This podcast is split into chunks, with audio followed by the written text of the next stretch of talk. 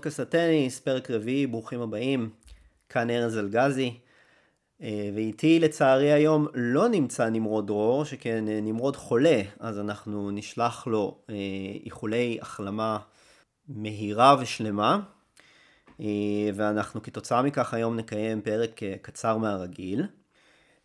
אני רוצה לפתוח בתודה גדולה לאמיר אוגש, שהופך בעצם להיות יקיר הפודקאסט הראשון שלנו. אני מקווה שהרשימה הזאת תגדל בהמשך. אה, אמיר יצר עבורנו את הפתיח שזה עתה שמעתם, אז אנחנו רוצים שנינו, אני ונמרוד, להודות לו מאוד, אה, ואנחנו מזמינים אתכם בחום לעקוב אחריו, אמיר אוגש, בפייסבוק, באינסטגרם, כי הוא באמת אחד האנשים המוכשרים והמצחיקים ביותר שיצא לכם לפגוש. מומלץ בחום. אז אמיר, תודה רבה. ובכן, היום אנחנו נדבר בעצם על בעיקר נתמקד בטורניר C, שהסתיים אה, ממש היום. אה, בעצם פעם אחרונה שדיברנו על המתרחש בסבב הייתה אה, אחרי גמר רולנד גרוס, ומאז עברו כבר, אני חושב, ארבעה שבועות. אמנם הקלטנו פרק אחד מאז, אבל זה היה פרק של ראיון עם לינה, ובעצם לא דיברנו על מה שקורה בסבב. אז יש יחסית לא מעט, אבל אנחנו נתמקד במה שקרה באמת בשבוע האחרון בברסי.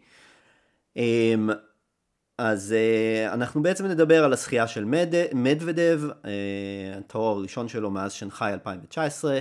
נדבר על זוורב, על כל uh, ענייני uh, הטניס הרבים שקשורים אליו, וגם על הדברים הפחות נעימים שאינם קשורים בטניס שקשורים אליו. Uh, נדבר על נדל, על ההפסד שלו בחצי הגמר, uh, ועל בעצם על חוסר ההצלחה המתמשך שלו באולמות. אה, ונדבר על רובלב, שבעצם היה כנראה הטניסאי הכי בולט בעצם בחודש האחרון. אה, ונקנח בעצם ב... ברשימת שמונת השחקנים שפעילו לטורניר סוף השנה בלונדון, שיתחיל ממש בעוד שבוע. אז אה, אלו הנושאים שנתמקד בהם היום. אז קדימה, בואו נתחיל. אוקיי, דניל מדוודב הוא זוכה טורניר פריז ברסי לשנת 2020 זה בעצם הטורניר הראשון שהוא זוכה בו מאז אה, טורניר שנגחאי 2019 כמו שציינתי בפתיח. זה טורניר המאסטרס השלישי שלו והטורניר הראשון שהוא זוכה בו השנה. עכשיו אני רוצה לתת קצת קונטקסט לזכייה הזאת של מדוודב בטורניר אז מי שלא זוכר בעצם מדוודב שנה שעברה, אה, בחצי השנה השנייה של 2019, הוא בעצם אה, נתן רצף אה, ממש בלתי נשכח, אני חושב אחד הכי טובים שהיו בסבב אי פעם. הגיע, אני חושב, לשבעה גמרים ברצף, הוא הגיע לגמר בוושינגטון, הפסיד שם לקיריוס, הגיע לגמר במונטריאול, הפסיד שם לנדל, זכה בסינסינטי, זה היה הטורניר מאסטרס הראשון שלו. הפסיד בגמר ה-US Open לנדל, גמר בלתי נשכח בחמש מערכות. זכה לאחר מכן בסנט פטרסבורג ובשנגחאי אה, במאסטרס השני שלו, ששם הוא ניצח בגמר אה, את זוורב כמו היום, שזה בעצם היה בזמנו הניצחון הראשון שלו על, זוורב, על זוורב בסבב, היום היה הניצחון השני. אה, אז בעצם, כן, זה היה רצף ממש אה, בלתי נשכח, ומאז בעצם מדוודב לא ממש הצליח לשחזר את, ה, אה, אה, את היכולות שהוא הראה לנו אז. אה, אני חושב שכבר ב, בסוף 2019 הוא התחיל להיקלע לאיזשהו משברון. הוא בעצם הפסיד את כל ארבעת המשחקים האחרונים שלו באותה שנה, הוא הפסיד בסיבוב הראשון בפריז, ואת שלושת המשחקים בשלב הבתים בלונדון, וב-2020, סליחה, השנה, אם נחריג רגע את אה, חצי הגמר שלו ב-US Open, שהוא הפסיד בולטים בשלוש מערכות די צמודות, אז בעצם חוץ מהחצי גמר הזה לא הייתה לו שום תוצאה אחרת ראויה לציון. אה, הוא, הוא בעיקר הפסיד משחקים, הרבה יותר מאשר ניצח. אה, במיוחד אחרי אותו US Open. כלומר, אחרי ה-US Open הוא הפסיד בסיבוב הראשון בהמבורג, הפסיד בסיבוב הראשון ברולנד גרוס. הפסיד בסיבוב השני בסנט פטרסבורג והפסיד ברבע גמר וינה. כלומר, הוא מאוד מאוד מאוד התקשה אה, אה, לחבר רצף של ניצחונות. ואני חושב שהוא היה רחוק מאוד משיאו, אני חושב גם שהוא הראשון אה, להודות בכך, הוא גם דיבר על זה היום אה, בטקס אחרי, אחרי הזכייה. אז אני חושב באמת שזה הישג אה, מאוד מאוד יפה שלו היום. אני חושב שהוא בכלל נתן השבוע טורניר נהדר, הוא ניצח בעצם גם היום וגם בשמינית הגמר אחרי פיגור מערכה, בשמינית הגמר מול דה מינור והיום מול זוורב, אה, חזר מ set down. אה, ובעצם אלו היו שתי המערכות היחידות שהוא השמיט לאורך כל השבוע. והוא שיחק גם נגד יריבים לא פשוטים, אה, הוא ניצח אתמול את ראוניץ' בחצי הגמר, הוא ניצח את שוורצמן ברבע הגמר, וכאמור את דה מינור בשמינית הגמר, והיום בגמר את זוורב.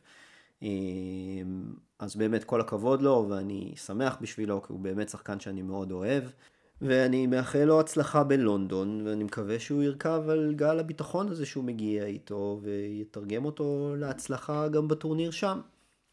אוקיי, הלאה. אלכסנדר זוורב, אז כאמור הפסיד היום בגמר. אה, אני רוצה לדבר עליו בעצם אה, בשני קונטקסטים שונים לגמרי. קודם כל נדבר על הטניס, שזה בעיניי הדבר היותר חשוב, אחר כך נדבר על כל היתר. אה, אז מבחינת הטניס, אני חושב שהשבוע הוא נתן טורניר נהדר, למעט בעצם הסט השלישי היום, שהוא, אני לא יודע למה, אבל ראו בבירור שהוא די ויתר שם על המשחק, כבר אחרי הגיים השני. שבגיים השני הוא לא מצליח אה, לשבור חזרה את מד, מדוודב ששבר אותו בגיים הראשון. אה, נשבר שוב שבירה כפולה בגיים השלישי ומאז פחות או יותר הוא די ויתר על המשחק. אה, אבל אני חושב שלמעט באמת הסט הזה אז הוא נתן השבוע טורניר יוצא מן הכלל. ניצח את נדל בחצי הגמר, אה, ניצח משחק לא פשוט בשמינית הגמר מול אדריאן מנרינו. היו שם שני טאברקים מאוד מאוד ארוכים בשני הסטים הראשונים, ובסט השלישי זוורב ניצח 6-4, לאחר מכן ניצח את וברינקה, וכאמור את נדל בחצי הגמר, אה, שאני חושב שמול נדל בפרט זה היה המשחק הכי טוב שלו בטורניר. אה, אני חושב שבאמת חוץ ממשחקון אחד שנדל הצליח לשבור אותו, זוורב היה פשוט הרבה הרבה יותר טוב לאורך כל המשחק. בלט במיוחד החוזק המנטלי של זוורב במשחק הזה. אני חושב שאחרי באמת אותו משחקון שנדל סוף כל סוף הצליח לשבור אותו, אה, ופתאום היה נראה כאילו המומנטום מתחלף, ונדל פתאום עלה ל-5-4 במערכה השנייה. אה, זוורב שמר על, כל, על קור רוח, ובאמת אה, שמר על ההגשות שלו, ושבר את נדל מיד לאחר מכן, וזכה במשחק. אני חושב שבעבר לא היינו רואים את זה מזוורב. אה, ובאמת, אבל מעבר באמת לפן המנטלי, אני חושב שהדבר היחיד שהחזיק את נדל במשחק, ובאמת הצליח להביא אותו ל-5-4 בסט השני, זה אך ורק הרוח הלחימה שלו, כי נדל לא היה טוב אה, ביום שבת, הוא עשה יותר מדי טעויות, הסרב שלו לא עבד כמו שצריך. אה, הוא לא הצליח לקרוא כמו שצריך את הסרף של זוורב. לזוורב היו הרבה יותר מדי נקודות קלות על הסרף שלו, ו... ואני חושב באמת שפה בסופו של דבר אה, הוכרע המשחק, על הסרב, הסרף של זוורב, וסרב לא מספיק טוב של נדל. אה, נדל לא שיחק טוב בטורניר כל השבוע, זה צריך לומר את האמת, אה, אבל אנחנו נדבר על זה בהמשך, על נדל. אני רוצה לחזור לזוורב.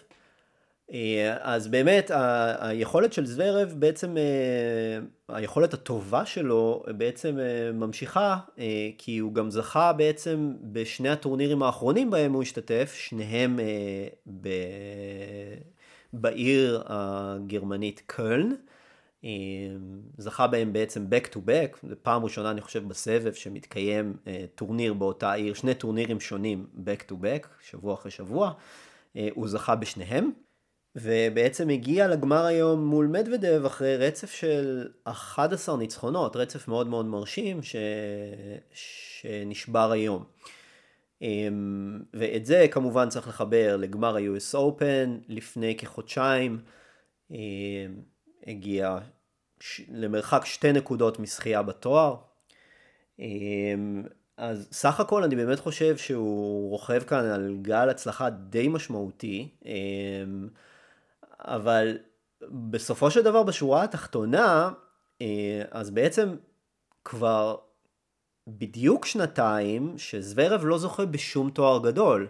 כלומר, הוא זכה בסוף 2018 בטורניר סוף השנה בלונדון, אבל מאז הוא לא זכה לא בגרנד סלאם ולא בטורניר מאסטרס. הוא נותר עם שלושת תארי המאסטרס שהיו לו מ-2017-2018, טורניר מאסטרס סוף השנה, שהוא עדיין יכול לזכות בו השנה כמובן, כן? אבל כבר שנתיים בדיוק בעצם שהוא בלי שום תואר גדול. אה, שזה קצת אה, בניגוד לכושר הבאמת נהדר שהוא נמצא בו. האם זוורב יצליח לשבור את המנחוס הזה? האם הוא יצליח כן לזכות בתואר גדול? אולי אפילו עוד השנה בלונדון? אולי כבר באוסטרליה בתחילת 2021?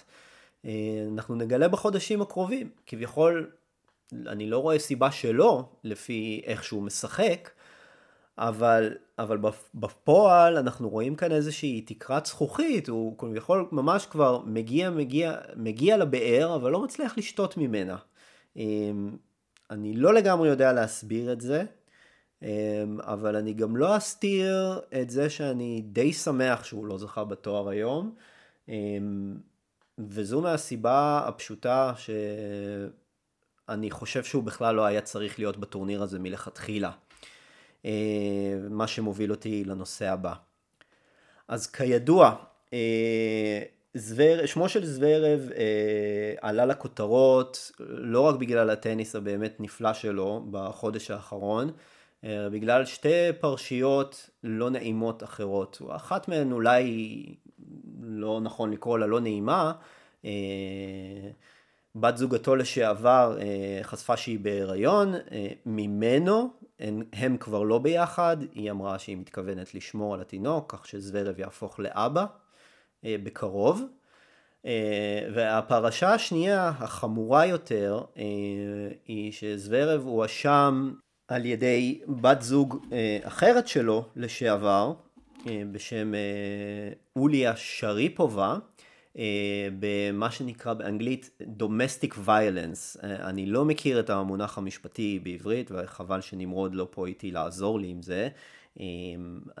לא יודע איך לתרגם את זה, אלימות ביתית, אלימות בתוך המשפחה, אבל הם לא משפחה, אז אני לא כל כך יודע איך באמת קוראים לזה בעברית.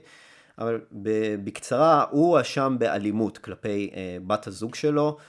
היא פרסמה את הסיפור שלה בעצם בעמוד האינסטגרם שלה, אה, לאחר מכן היא התראיינה לעיתונאי בן רות'נברג, וחשפה שם בעצם את כל הפרשה. אני לא רוצה לצלול יותר מדי לפרטים, כי אני מעדיף לנצל את הבמה הזאת ולדבר על משהו בעיניי שלא קיבל אה, מספיק כיסוי אה, ולא קיבל מספיק התייחסות בתקשורת. וזה בעצם כל התגובה, או יותר נכון, היעדר התגובה של ה-ATP לפרשה הזו. אם כן, מאז שהפרשה הזו בעצם התפוצצה, לא שמענו ולו מילה מראשי ה-ATP. וזה בעיניי חמור מאין כמוהו. אה, במיוחד לאור העובדה שזו כבר פעם שנייה בשנת, רק השנה, רק ב-2020, שיש אה, טענות נגד אלימות אה, נגד שני שחקנים בסבב, הראשון היה אה, ניקולוס בסילשווילי, הגיאורגי, שגם כן הואשם על ידי אה, אשתו שהוא תקף אותה, היא הגישה נגדו תלונה במשטרה וזה נחקר, הסבב לא עשה עם זה שום דבר, בסילשווילי המשיך להשתתף בסבב כאילו דבר לא קרה. לא יצא שום הצהרה, שום כלום, שקט מוחלט. ועכשיו, אה, אה, כשזה קורה עם זברב, וזברב, אני מזכיר לכולם, הוא שחקן טופ 10, הוא מקום 7 בעולם, יש לו חשיפה אדירה, יש לו קהל מעריצים גדול, הוא מפורסם מאוד, הוא עשיר מאוד. אה, הרשתות החברתיות, הסושיאל מדיה של ה-ATP אה, מראה אותו חדשות לבקרים, את ההישגים שלו, את הניצחונות שלו, קטעים מהמשחקים שלו, אה, ו, והם פשוט כאילו טומנים את הראש בחול ומתעלמים לחלוטין מכך שיש האשמות קשות כנגדו על אלימות כנגד מישהי שהייתה בת זוגתו לשעבר. וזה בעיניי שערורייה, אני לא מצליח להבין את זה. אני לא מבין איך בשנת 2020 לגוף כמו ה-ATP אין עדיין מנגנון כמו שיש, כמו שקיים ב-NBA, כמו שקיים ב-NFL, שאחראי בדיוק לדברים האלה, אחראי לנהל חקירות ובדיקות על תלונות על אלימות ביתית כנגד שחקנים שמייצגים את הארגונים האלה. ב-NBA זה אומנם קורה יותר מאשר בטניס, לשמחתנו, אוהדי הטניס, אה, קשה לי להגיד לשמחתנו בהקשר הזה, אבל, אה, אבל לא יעלה על הדעת באמת שבשנת 2020 ה-ATP לא ערוך למצב כזה. אה, איך, איך יכול להיות שהם מרשים לעצמם באמת לשתוק ולא להתייחס, לתת לזוורב להמשיך ולשחק כאילו כלום לא קרה. זה בעיניי לא מתקבל על הדעת. אה, עכשיו, אני חושב שהבחירה שלהם לשתוק היא, מבין כל האופציות שהיו להם, היא הבחירה הכי גרועה. אני חושב שאם הם היו, אה, למשל, באמת מחליטים לנהל איזושהי חקירה מטעמם, הרי אה, שריפובה לא הגישה תלונה במשטרה, אז אם ה-ATP היה בא ואומר, אוקיי, אנחנו עכשיו נחקור מצידנו את הפרשה הזאת, אנחנו נדבר עם זוורב, אנחנו נדבר איתה, אולי זה אפילו יפעל לטובתו של זוורב, אולי הם יצליחו ככה להגיע אה, לאיזה שהן מסקנות, אה, אני לא יודע, הם לא משטרה כמובן, זה לא תפקידם אה, להיות משטרה, אבל הם כן יכולים לנהל איזושהי חקירה, או לפחות לדבר עם זוורב, לקבל את הגרסה שלו לדברים, ואולי על ידי כך בעצם לעזור לו, לסייע לו. או לחילופין, אם הם יגיעו, אם הם יגיעו למסקנה שבאמת יש דברים בגו, אז להשעות אותו לאלתר מהסבב עד שהדברים יתבהרו. איך יכול להיות שהם נותנים לו להמשיך לשחק כאילו שום דבר לא קרה, וממשיכים פשוט לשתוק? זה בעיניי תעודת עניות ענקית ל-ATP, וזה מאוד מאוד מאוד מצער אותי. הייתי מצפה שהגוף שמייצג אולי את אה, קבוצת האינדיבידואלים הכי פריבילגית אה, בכדור הארץ, גברים לבנים, עשירים, מוצלחים, מפורסמים, יפים, אה, יתייצב ויגלה מעט סולידריות גם עם, הצ... אה, עם האנשים הפחות פריבילגיים ובמקרה הזה עם שריפובה. וחבל לי מאוד שהם לא בחרו לעשות כך. אוקיי, נמשיך. טוב, מנושא לא משמח אחד לנושא לא משמח אחר, כמובן לא באותו קנה מידה, לא באותו סדר גודל, אבל uh, כמו שציינתי כבר קודם, נדל הפסיד בחצי הגמר uh, אתמול מול זוורב uh, 6-4-7-5. עכשיו, נדל בעצם uh, הגיע לטורניר הזה אחרי שלא שיחק מאז פריז, מאז פריז, כן, מאז הרולנד גרוס, כי גם עכשיו הטורניר כמובן התקיים בפריז. אמ, אבל הוא בעצם, אה, יותר חשוב, הוא לא שיחק על מגרשים קשים מאז אקפולקו שהתקיים בפברואר 2020. זוכרים? אי שם, לפני שהיה דבר כזה קורונה. כלומר היה, אבל זה לא באמת עדיין עניין אנשים. ו... ועוד uh, החיים היו פחות או יותר, uh, התנהלו כסדרם. אז בעצם זה היה הטורניר, uh, טורניר על משטח קשה האחרון שנדל להשתתף בו. והטורניר האחרון שנדל להשתתף בו באולם היה בלונדון שנה שעברה, כלומר שנה שלמה. ונדל באמת היה רחוק מאוד מלהיות במיטבו השבוע. אני חושב בעצם שהדבר היחיד שבעצם הביא אותו לחצי הגמר זה סרב מצוין שלו, שעבד אה, באמת מצוין אה, בשלושת המשחקים הראשונים, ואני חושב בעצם היה הדבר היחיד שמנע ממנו מלהפסיד, אה, לפחות באחד מבין שלושת המשחקים האלה, מול לופז, מול קרנו בוסטה ברבע הגמר. אה, ומול זוורב הסרב עבד פחות טוב, הוא נשבר שלוש פעמים, והוא הפסיד. אה, וזה לא היה מאוד מפתיע למי שראה את נדל משחק אה, לאורך כל השבוע, זה לא היה מאוד מפתיע. עכשיו, אה, זה כמובן לא אסון גדול. זה בסך הכל טורניר מאסטרס, זה אמנם טורניר מאסטרס שנדל לא זכה בו, אבל זה לא גרנד סלאם, אז זה לא סוף העולם, אני בטוח שגם נדל מתייחס לזה בהתאם. אבל מה שכן רציתי לדבר עליו זה, זה משהו בעצם שאני ואני חושב גם לא מעט אה, אוהדי נדל אחרים קצת נמנעים מלהתעמת איתו וזה בעצם ה- היכולת של נדל על, uh, uh, באולמות, uh, במשטחים קשים באולמות. Um, אז אני חושב שאנחנו הרבה לאורך שנים uh, תמיד אהבנו להשתמש בתירוץ שנדל תמיד מגיע שחוק וגמור לתקופה הזו בשנה ש...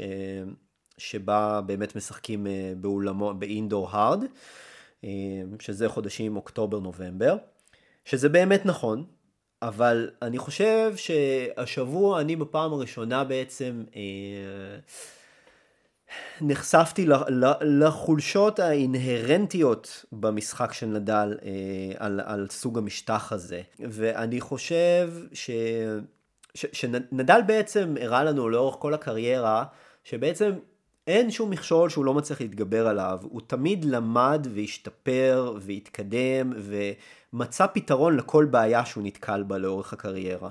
חוץ מבעיה אחת, שזה ה-indoor hard, שאני חושב שאת ה... את הבעיה הזאת הוא עדיין לא הצליח לפצח, אני לא יודע אם הוא כבר אי פעם יצליח, כי הוא כבר בכל זאת בן 34 וחצי. אה, כמה מספרים, סתם כדי לסבר את האוזן, אה, נדל זכה בקריירה ב-86 תארים, מתוכם שני תארים בלבד באולמות, באינדור. אחד מהם אה, בכלל היה על חמר, ATP 250 בסאו פאולו בשנת 2013, ניצח את נלבנדיאן בגמר אם אני לא טועה. אה, והשני באופן די משעשע, שהוא בעצם היחיד שלו על, על אינדור הארד, היה בעצם בשנת 2005, כשנדל היה בן 19 במדריד. כשמדריד עדיין שוחק אה, באינדור הארד. אז אלו בעצם שני התארים היחידים של נדל באולמות. מאז הוא לא זכה, מאז בעצם 2005 הוא לא זכה באף טורניר אינדור הארד. שזה די מדהים אה, כשמסתכלים על הדברים האחרים שהוא עשה בקריירה, זה פשוט לא פרופורציונלי. עכשיו, זה לא אומר שנדל לא יזכה באחד מהטורנירים הללו מתישהו בעתיד, אולי אפילו ביותר מאחד, אני לא יודע, אבל אבל אני חושב שכבר עכשיו אה, אפשר להגיד אה, די בבירור שבעצם זה שהוא זכה רק בתואר אה, גדול אחד על משטח כזה, ובפרט לא זכה עדיין בטורניר סוף השנה, שמתקיים גם כן על אינדור הארד, זה בעצם איזושהי כוכבית קטנה ומעצבנת מאוד על הקריירה הבאמת פנומנלית והבלתי נתפסת שלו. ואני חושב שדווקא בגלל שהיא כל כך פנומנלית ובלתי נתפסת, אז הכוכבית הזאת לא כל כך משתלבת שם, לא כל כך מסתדרת, לא כל כך ברור למה בעצם הוא לא הצליח לפצח את זה. עכשיו, אם נחזור uh, לדבר על, uh, על נדל השבוע uh, בפריז, um, אז אני חושב בעצם שכמו שאמרתי קודם, הסרב בעצם היה פחות או יותר הדבר היחיד שהחזיק אותו uh, בטורניר עד לחצי הגמר. אני חושב שהריטרן שלו היה לא טוב לאורך כמעט כל המשחקים. אה, הוא התקשה מאוד להגיע לנקודות שבירה אה, נגד היריבים שלו. אה, במיוחד נגד מגישים עם ביג סרב כמו זוורב וכמו לופז בסיבוב הראשון. ואני חושב ש... ש... שברגע ששחקנים תוקפים אותו ולא מאפשרים לו מספיק זמן אה, להתמקם, ומאחר והכדור במשטח הזה לא קופץ מספיק גבוה, נדל לא מצליח לייצר אה, מספיק ספין על הכדור, וכתוצאה מכך פשוט ה-ground strokes שלו פשוט הרבה פחות אפקטיביות. אה, וכתוצאה מכך אפשר לתקוף אותו הרבה יותר בקלות. זהו, זה ככה על קצה המזלג, על רגל אחת, למה נדל לא טוב באולמות. אמ, מעניין אותי מאוד לראות מה הוא יעשה בלונדון. אמ, אני כמובן תמיד, אה, בואו לא נשכח, הוא בכל זאת כן הגיע פעמיים לגמר בלונדון, ב-2010 וב-2013. הפסיד לפדרר ב-2010, הפסיד לג'וקוביץ' ב-2013. אמ, כלומר, זה טורניר שבאופן מסורתי הוא דווקא, בפעמים שהוא משתתף בו, אני חושב שהוא מצליח בו יותר מפריז, אבל בפריז הוא הגיע רק פעם אחת לגמר, אה, זה היה ב-2007 והוא הפסיד שם לנלבנדיאן, שזה בעצם הייתה גם הפעם הראשונה שהוא השתתף בטורניר הזה. אז אה, אני לא יודע, יכול להיות שבלונדון הכדור קופץ טיפה יותר גבוה, אמ, אני באמת לא יודע לנתח את זה לעומק, אבל אני כן חושב שבלונדון יש לו קצת יותר סיכוי, גם כי אני חושב שהוא יגיע אחרי בכל זאת ארבעה משחקים אה, על סוג המשטח הזה, שיהוו עבורו סוג של הכנה. אה, אז אני וכל אוהדי נדל נמשיך להיות אופטימיים ולקוות שנדל כן יזכה בתואר הזה ביום מן הימים. אמן כן יהי רצון. אוקיי, נושאים אחרונים. אנדרי רובלב, אה, כאמור, היה הטניסאי הבולט בעצם בחודש האחרון, ואם נחזור אה, אפילו עוד יותר אחורה לתחילת השנה, אז אני חושב בעצם שהוא הטניסאי שזכה בהכי הרבה תארים השנה, הוא זכה בחמישה תארים, שלושה מתוכם בעצם אחרי אה, החזרה מהלוקדאון. אה, הוא זכה בהמבורג לפני הרולנד גרוס, ברולנד גרוס הוא הפסיד לציציפס ברבע הגמר, ולאחר מכן הוא זכה בסנט פטרסבורג ובווינה, כשבווינה בדרך הוא גם מנצח את אה, דומיניק טים. אממ, עכשיו, אה, המבורג, סנט פטרסבורג ווינה הם שלושה תארי 500. אני לא כל כך זוכר באיזה שני תארים נוספים הוא זכה בתחילת השנה, אבל בעצם לרובלב יש איזושהי תקרת זכוכית שהוא עדיין לא הצליח לנפץ בכל מה שקשור אה, לטורנירים הגדולים יותר, לתארי, לטורנירי המאסטרס ולטורנירי הגרנד סלאם. אה, וגם השבוע באמת בפריז, בברסי, כשהוא אה, הגיע אחרי ניצחונות בעצם גם ב, בסנט פטרסבורג וגם בווינה, הוא בעצם הפסיד בשמינית הגמר אה, לבברינקה. אחרי שהוא ניצח אותו בסט הראשון 6-1, היה נראה שם פשוט נפלא, אני לרגעים חשבתי שאני פשוט רואה את רפאל נדל משחק. הוא היה כל כך דומה לנדל, אה, בעצם אה, אה, אני חושב שההבדל היחיד שראיתי ביניהם זה, זה, זה שרובלב משחק ביד ימין ונדל משחק ביד שמאל, זה פשוט היה קופי, זה היה ממש מדהים לראות את זה. ואז בסט השני, וברינקה שבר אותו באמצע הסט, ומשם רובלב פשוט נעלם. הוא, זה התחיל בזה שהוא קצת איבד את הראש, וקילל, ו- ו- ו- וזרק כדור, וזרק מחבט, ואני לא זוכר כבר מה עוד הוא עשה. אה, שזה די הזכיר את אה, אובדן העשתונות שלו. אה, כשהפסיד למדוודב ב-US Open ברבע הגמר, גם כן היה שם טייברק בסט הראשון, טייברק ארוך, אני חושב שלרובלב היו שם כמה set points, הוא הפסיד את כולן, והפסיד גם את המשחק אחר כך בשלוש מערכות חלקות, וגם פה מול וברינקה, משהו בו פשוט כבה, והוא הפסיק לשחק, והוא פשוט הפך להיות שחקן אחר, והפסיד את שני הסטים הבאים. ו... והודח מהטורניר. אז אני באמת חושב שיש כאן איזושהי תקרת זכוכית שהוא צריך לשבור. אמ, מה שכן, הוא, עם כל ההישגים הבאמת מרשימים שלו קודם לכן, הוא העפיל ללונדון. הוא בעצם היה השחקן השביעי שהעפיל ללונדון, שוורצמן היה השמיני, תכף נדבר גם על זה. ו, וזהו, אז הוא עכשיו בלונדון, ובעצם יש לו הזדמנות אה, בטורניר גדול. הוא אמנם, אני חושב, אה, הכי פחות פיבוריט מבין אולי חוץ משוורצמן, אה, הוא הכי פחות פיבוריט מבין כל שאר השחקנים האחרים שנמצאים בטורניר הזה. אה, אבל יש לו הזדמנות לתת עוד הופעה נוספת בטורניר גדול. אז אני בהחלט מקווה גם שהוא יצליח לפרוץ את תקרת הזכוכית הזאת, כי באמת לפרקים, כשהוא משחק טוב ושהוא שומר על כל רוח, הוא שחקן פשוט מדהים, והוא באמת פשוט מזכיר לי את נדל, וזה פשוט כיף לראות את זה. אה, זהו, זה לגבי רובלב, אני רוצה לעבור מיד אה, לנושא הבא, לונדון. אז אה, לונדון תתחיל בשבוע הבא. השתתפו שם שמונה שחקנים, המדורגים הראשון והשני הם ג'וקוביץ' ונדל, השלישי והרביעי הם טים ומדוודב, חמישי ושישי ציציפס וזוורב, ושביעי ושמיני יש לנו בעצם את רובלה ושוורצמן. עכשיו אני בכוונה מציין אותם כזוגות, מאחר ובהגרלה, בחלוקה לבתים, אז uh, כל אחד מהצמדים האלה בעצם יוגרל בבית אחר. כלומר, כמובן, נדל וג'וקוביץ' יהיו בבתים שונים, uh, מדוודב וטים יהיו בבתים שונים וכן הלאה.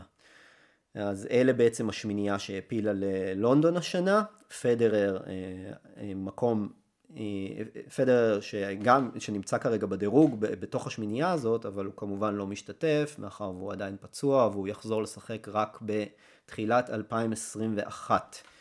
אה, עכשיו הזכרנו את ג'וקוביץ', אז זה בעצם הדבר האחרון שאני רוצה לדבר עליו היום. אה, אז ג'וקוביץ' השבוע הבטיח באופן סופי את, ה, את, ה, את סיום השנה במקום הראשון, וזו הפעם השישית שהוא זוכה בתואר הזה. והוא משווה בכך את שיאו אה, האלמותי של פיט סמפרס, אה, שזה לכל הדעות הישג מדהים. אה, אנחנו נדבר אבל בהרחבה על, על, על ההישג הזה של ג'וקוביץ' ובכלל אנחנו נרצה לעשות עוד איזשהו פרק לפני שלונדון, שטורניר לונדון יתחיל, לעשות מעין סיכום שנה ואנחנו נדבר שם על כך בהרחבה. אה, אז זהו, זה, זה להפעם, אה, תודה רבה שהאזנתם. אה, כרגיל, פידבקים, משובים, חיוביים, שליליים. נשמח מאוד מאוד מאוד אם תשלחו לנו. וזהו, עד לפעם הבאה, ושוב תודה לאמיר אוגש, ואנחנו ניתן לכם שוב ליהנות מה, מהפתיח, ואני לא יודע איך אומרים פתיח כשמגיע בסוף, אין לי מושג מה המילה לזה בעברית. כך או כך, תהנו, תודה רבה, להתראות.